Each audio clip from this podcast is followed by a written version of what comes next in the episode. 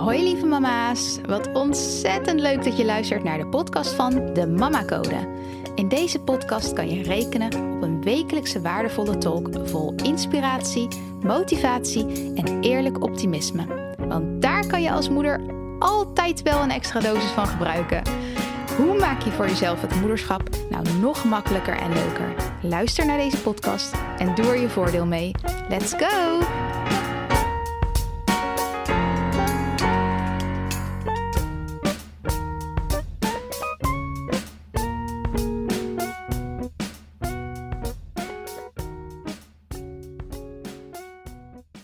De meivakantie is van start. Woehoe! Is het niet heerlijk? Is het niet heerlijk om te weten dat je kind gewoon twee weken lang niet naar school gaat, helemaal tot rust kan komen, lekker weer in zijn knusse huisje kan zijn, dingetjes doen met de mensen waar hij van houdt. Ik vind dat echt een heerlijke gedachte. Maar het kan natuurlijk ook zo zijn dat jij moet doorwerken als moeder. Dat je een baan in loondienst hebt of zelfstandig werkt en dat je niet die vrije tijd hebt om nu met je kinderen extra te pakken. Kijk dan wat daar weer de voordelen van zijn. Probeer altijd in het plaatje waar je in zit te kijken waarom dat voor jou een goed moment is, een goede situatie. En in het voorbeeld van als je niet meer tijd met je kinderen hebt, maar dat eigenlijk wel zou willen, Ga dan niet hangen in van, oh, ik heb het niet en die moeder kan het wel en ik heb die mogelijkheid niet en had ik maar meer vrije dagen en oh, wat ben ik een slechte moeder dat ik niet meer tijd met mijn kinderen doorbreng. Ga dat niet doen. Want wat levert jou dat op? Dat je nog minder goed over jezelf voelt, nog minder in het moment kan zijn, want je zit te kijken naar wat er allemaal niet is. En dat uit je ook weer richting je kinderen. Want die voelen dat jij niet in een lekkere vibe zit. En die voelen dat jij vindt dat je geen goede moeder bent. Doe dat niet. Als je in die situatie zit waarin jij niet in de mogelijkheid bent om extra tijd met je kind door te brengen. En dat wel zou willen. Kijk dan naar wat er wel is. Wat is er wel? Ben je eerder bij je kinderen, kan je ze eerder ophalen omdat het in de vakantie een stuk rustiger is op de weg. Is het niet überhaupt heerlijk dat er geen file staat bijna? Terwijl je dat normaal gesproken wel hebt. Of in de trein, dat het zoveel rustiger is in het openbaar vervoer. Dat je zit, een zitplek hebt, überhaupt een zitplek. Ik ging laatst met het OV. Nou, ik dacht, ik ben zo blij als ik dit niet meer hoef.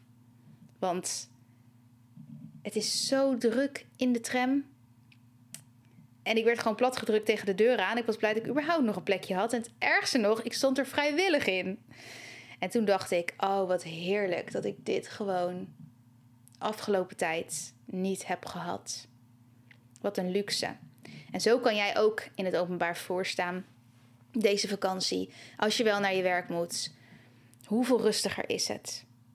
Kan je dat gebruiken als een momentje voor jezelf. Dat je een zitplekje hebt en een keer een boek kan lezen. Of een podcast kan luisteren. Of gewoon uit het raam kan staren en letten op je ademhaling. Die steeds rustiger maken. Er zitten altijd voordelen aan de situatie waar je in zit. Maar wij als mensen zijn zo gewend om te kijken naar de nadelen. Als je wel naar je werk moet. Als je wel naar je werk gaat. En je zit in het openbaar vervoer of je zit in de auto of op de fiets, is het niet zoveel rustiger op de weg, waardoor jij eerder thuis bent bij je kinderen, ze eerder op kan halen ergens? En kan je niet nu, juist nu denken: ik heb dan wel geen vrije dagen extra. Maar dit weekend ga ik helemaal vrij maken. En dan gaan wij gewoon een soort mini-vakantie ervan maken. Misschien kan je wel op vrijdag wat eerder stoppen met je werk, waardoor je toch een soort verlengd weekend hebt en dat idee hebt van vakantie. En volgens mij met Koningsdag zijn al sowieso heel veel mensen vrij. Dus dat is ook een mooi moment om te zien als extra tijd met je kinderen. Dus voel je nu niet schuldig als moeder als ik uitspreek dat ik zin heb in meer tijd met mijn kinderen, als jij dat niet hebt. Kijk naar wat je wel hebt. Alsjeblieft, doe dat voor jezelf. De kinderen, nou ja, meesten die gaat natuurlijk naar school. Normaal gesproken. En die is nu twee weken vrij. Dus um, hij is lekker veel thuis. James die gaat niet naar school nog. En er zijn een aantal dagen kinderopvang die we wel. Hij heeft, er, heeft eigenlijk maar één keer in de week kinderopvang. Überhaupt hebben we dat altijd al maar één keer in de week. En volgens mij gaat, als ik uit mijn hoofd zeg, één van de twee wel door en één van de twee niet. Maar zo dankbaar voor mijn man die de agenda altijd veel beter in de gaten heeft dan ik. dat is wel erg eigenlijk. Um, ja, dus hij is wel meer thuis. En ook omdat de oppasadressen grotendeels niet doorgaan. Dus ja, we zijn lekker veel samen. En dat betekent dat ik nog meer aanwezig kan zijn in het moment, nog meer mijn tijd kan doorbrengen met mijn kinderen, nog meer kan richten op connectie, nog meer aandacht voor details, zien hoe gegroeid ze zijn, wat zijn hun voorkeuren die ik nog niet kende, uh, wat zijn die kleine handelingen, die kleine details die iemands persoon echt als persoonlijkheid maken. Ik ga daar nog meer aandacht op focussen. Leuke dingen doen samen natuurlijk, maar dat maak je samen hè, een leuke tijd. Dat, dat hangt niet per se af van de dingen die je doet. Maar we gaan wel ook leuke dingen doen. En door hier vooraf bij stil te staan, aan de voorkant, bij de vakantie, kom ik erachter waar ik extra op wil letten. Ik denk daar gewoon heel bewust over na. Ik ga niet zo als een wervelwind, hup, die vakantie in. Ik sta er echt voor mezelf bij stil. Wat wil ik deze vakantie? Wat wil ik hier uithalen? Hoe wil ik mij opstellen? wat wil ik doen als in hoe wil ik er zijn in de dag zelf? En daardoor kom ik er ook achter en besluit ik ook van tevoren: ik ga me niet haasten. Dan komen we maar wat later ergens. Dat vind ik belangrijk. Gewoon echt die relaxedheid erin. En ook letten op hoe ik in deze vakantie er toch voor kan zorgen dat ik ook nog tijd voor mezelf heb. Want dat vind ik ook belangrijk. En ook in de vakantie is dat gewoon mogelijk. Er zijn altijd mogelijkheden, er zijn altijd oplossingen. Je ziet ze altijd als je ze wil zien. Dus wat zijn mijn triggers? Ik kijk daarnaar. Voor mij is het bijvoorbeeld aan het einde van de dag, dan uh, zit mijn energie. Ik heb altijd een beetje zo'n dip richting. Uh, misschien herken je dat wel, zo'n dip richting avondetentijd. En dan, dan heb je natuurlijk al een dag erop zitten. Nou, bij ons begint hij vrij vroeg. Dus ik heb dan vaak echt wel al een lange dag erop zitten. En veel prikkels meegekregen. En dat is het moment dat ik me eventjes wil afsluiten. En dat kan niet altijd. En zeker niet met twee kinderen die verschillende behoeftes hebben. En ook een beetje klaar zijn aan het einde van de dag. Maar daarom is het juist goed om daar van tevoren wel een beetje over na te denken. Van nou, hoe ga ik dat voor mezelf beschermen? En als er anderen bij betrokken zijn, bijvoorbeeld je partner, is het ook handig om daar van tevoren verwachtingen mee af te stemmen verwachtingen en wensen. Goh, uh, luister, als ik uh, drie dagen achter elkaar de kinderen heb, dat is helemaal prima. Maar ik weet van mezelf dat ik aan het einde van de dag dan echt wel heel eventjes, al is het maar 10 minuten, gewoon even ervan af wil sluiten om vervolgens die avond weer in te kunnen gaan. Dan kan ik dat natuurlijk van tevoren met hem afspreken. Als hij dan thuis komt, dat hij even 10 minuten die kinderen neemt. Die kinderen, die kinderen van hem. en dat hij die even eventjes eh, ja, op zijn let. Uh, en dat we daarna pas gaan koken. Dan eten we maar tien minuten later. Als dat maakt dat ik mij even kan herpakken, even opladen om die avond in te gaan, dan is dat toch top.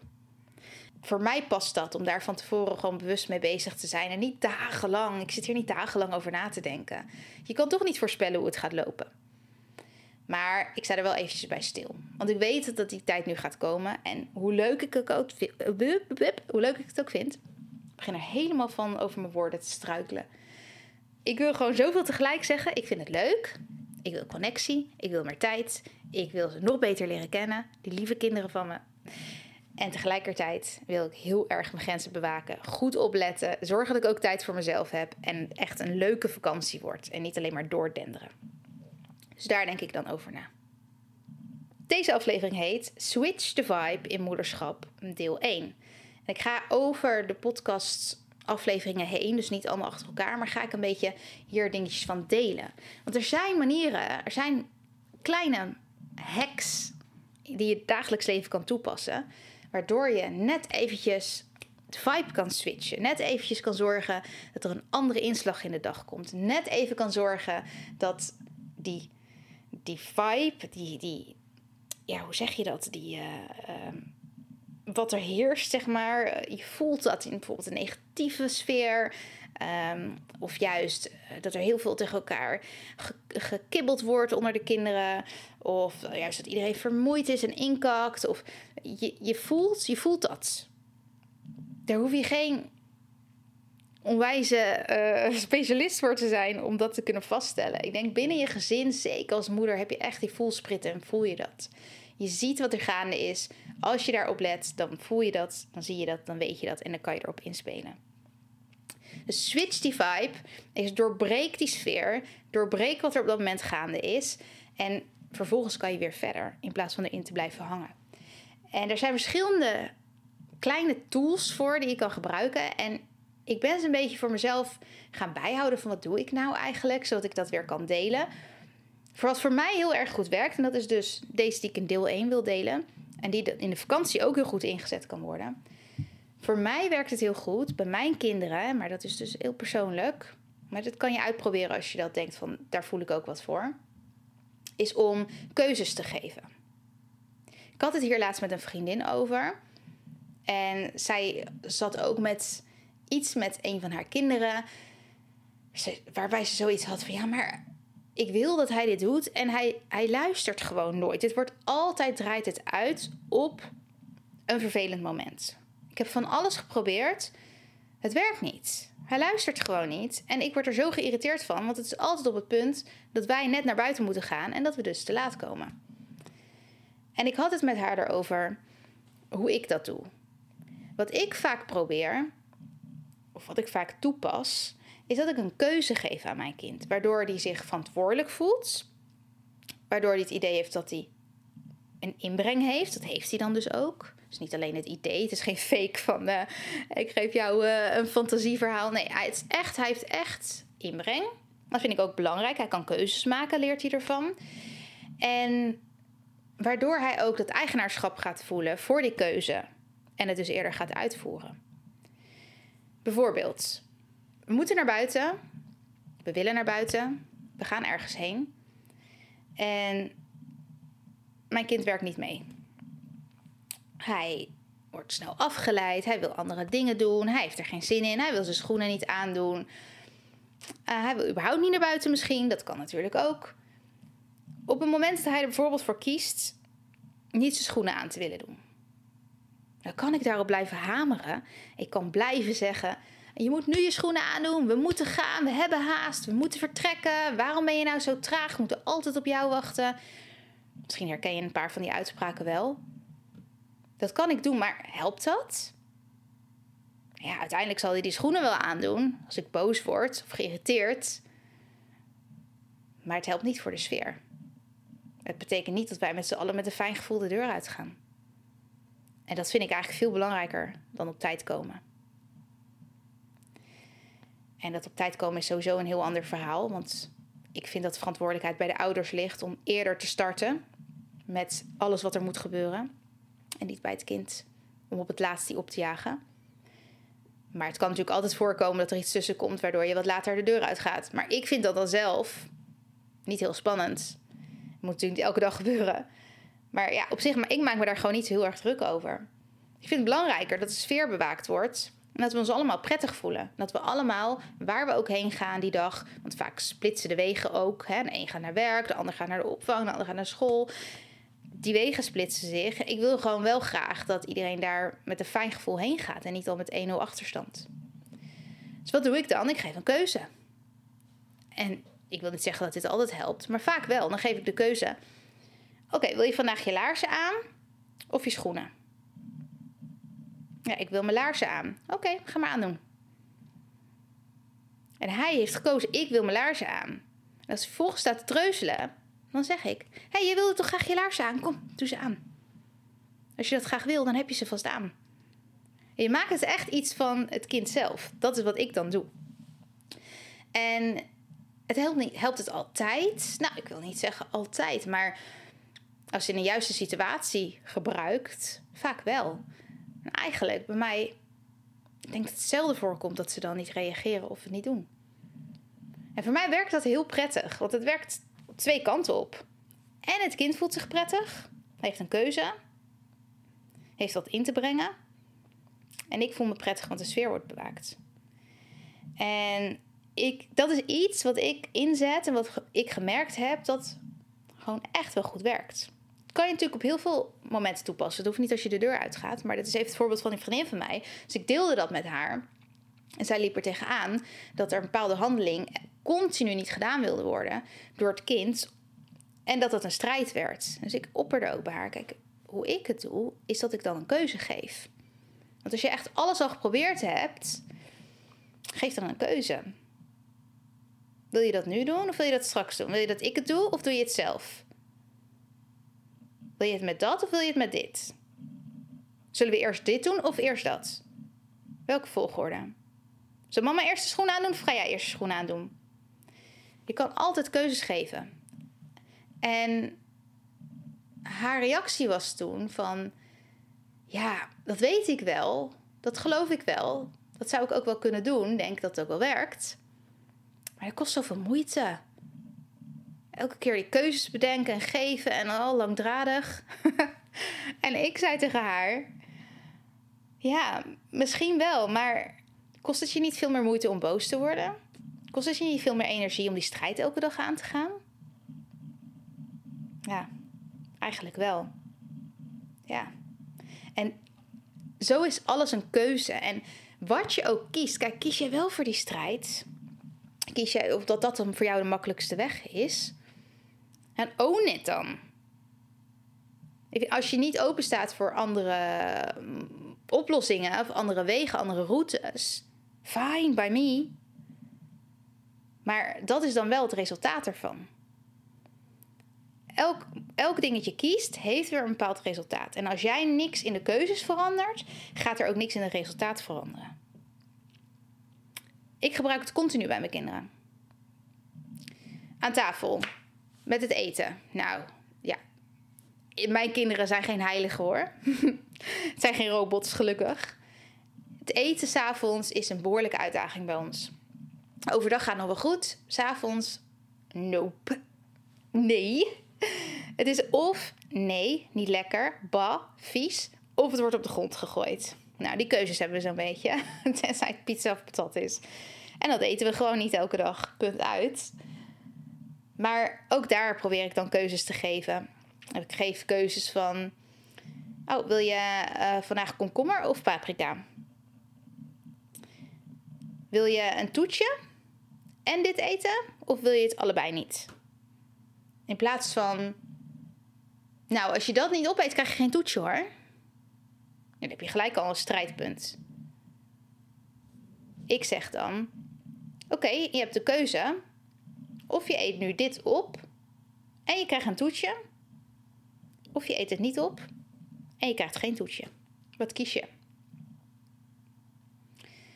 En ook dat helpt niet altijd. Het is niet, het is niet een gouden formule.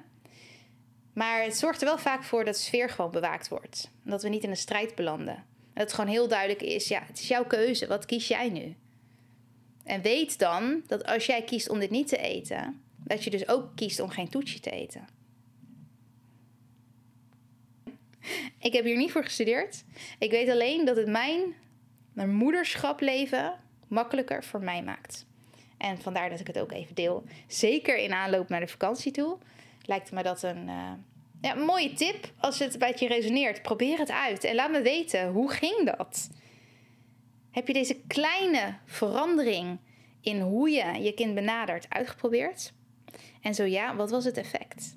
En als het niet direct werkt, probeer het nog een keer. Misschien was het niet het juiste moment. En zo leer je ook meer van wanneer kan ik welke tool het beste inzetten. En het is ook niet erg als het niet lukt, dat je dan een andere tool alsnog inzet. Proberen, leren, vallen, opstaan. Alles wat onze kinderen doen, doen wij ook binnen het moederschap. En ik deel het graag zodat je wellicht een keertje minder valt dan dat ik heb gedaan. Alright, ik wens je echt een hele fijne meivakantie toe. Volgende week is er natuurlijk weer een podcast die online komt. Dus dan zitten we ook nog in de meivakantie. Ik denk dat ik dan ook wel Switch to Vibe in moederschap deel 2 zal opnemen. En dan over een aantal weken misschien in deel 3, deel 4. Ik kijk wel eventjes hoe dat gaat. Ook ben ik benieuwd hoe jullie dit vinden. Want dat is natuurlijk ook belangrijk. Ik kan wel zenden, zenden, zenden. Maar als je zoiets hebt van switch the vibe hoepel op. Nou, dan uh, doen we dat misschien niet meer. Alright. Hele fijne vakantie. Enjoy. Geniet van je kinderen. En bye bye.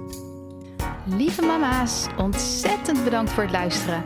Mocht je de aflevering interessant vinden, maak dan alsjeblieft een screenshot en tag me op Instagram. Daarmee kunnen we samen weer andere moeders inspireren. En ik vind het natuurlijk zelf ook leuk om te zien wie er luistert. Deze podcast is gratis te beluisteren en als je een review bij deze aflevering achter wil laten, zou dat helemaal super zijn. Zo vergroten we het bereik onder andere moeders.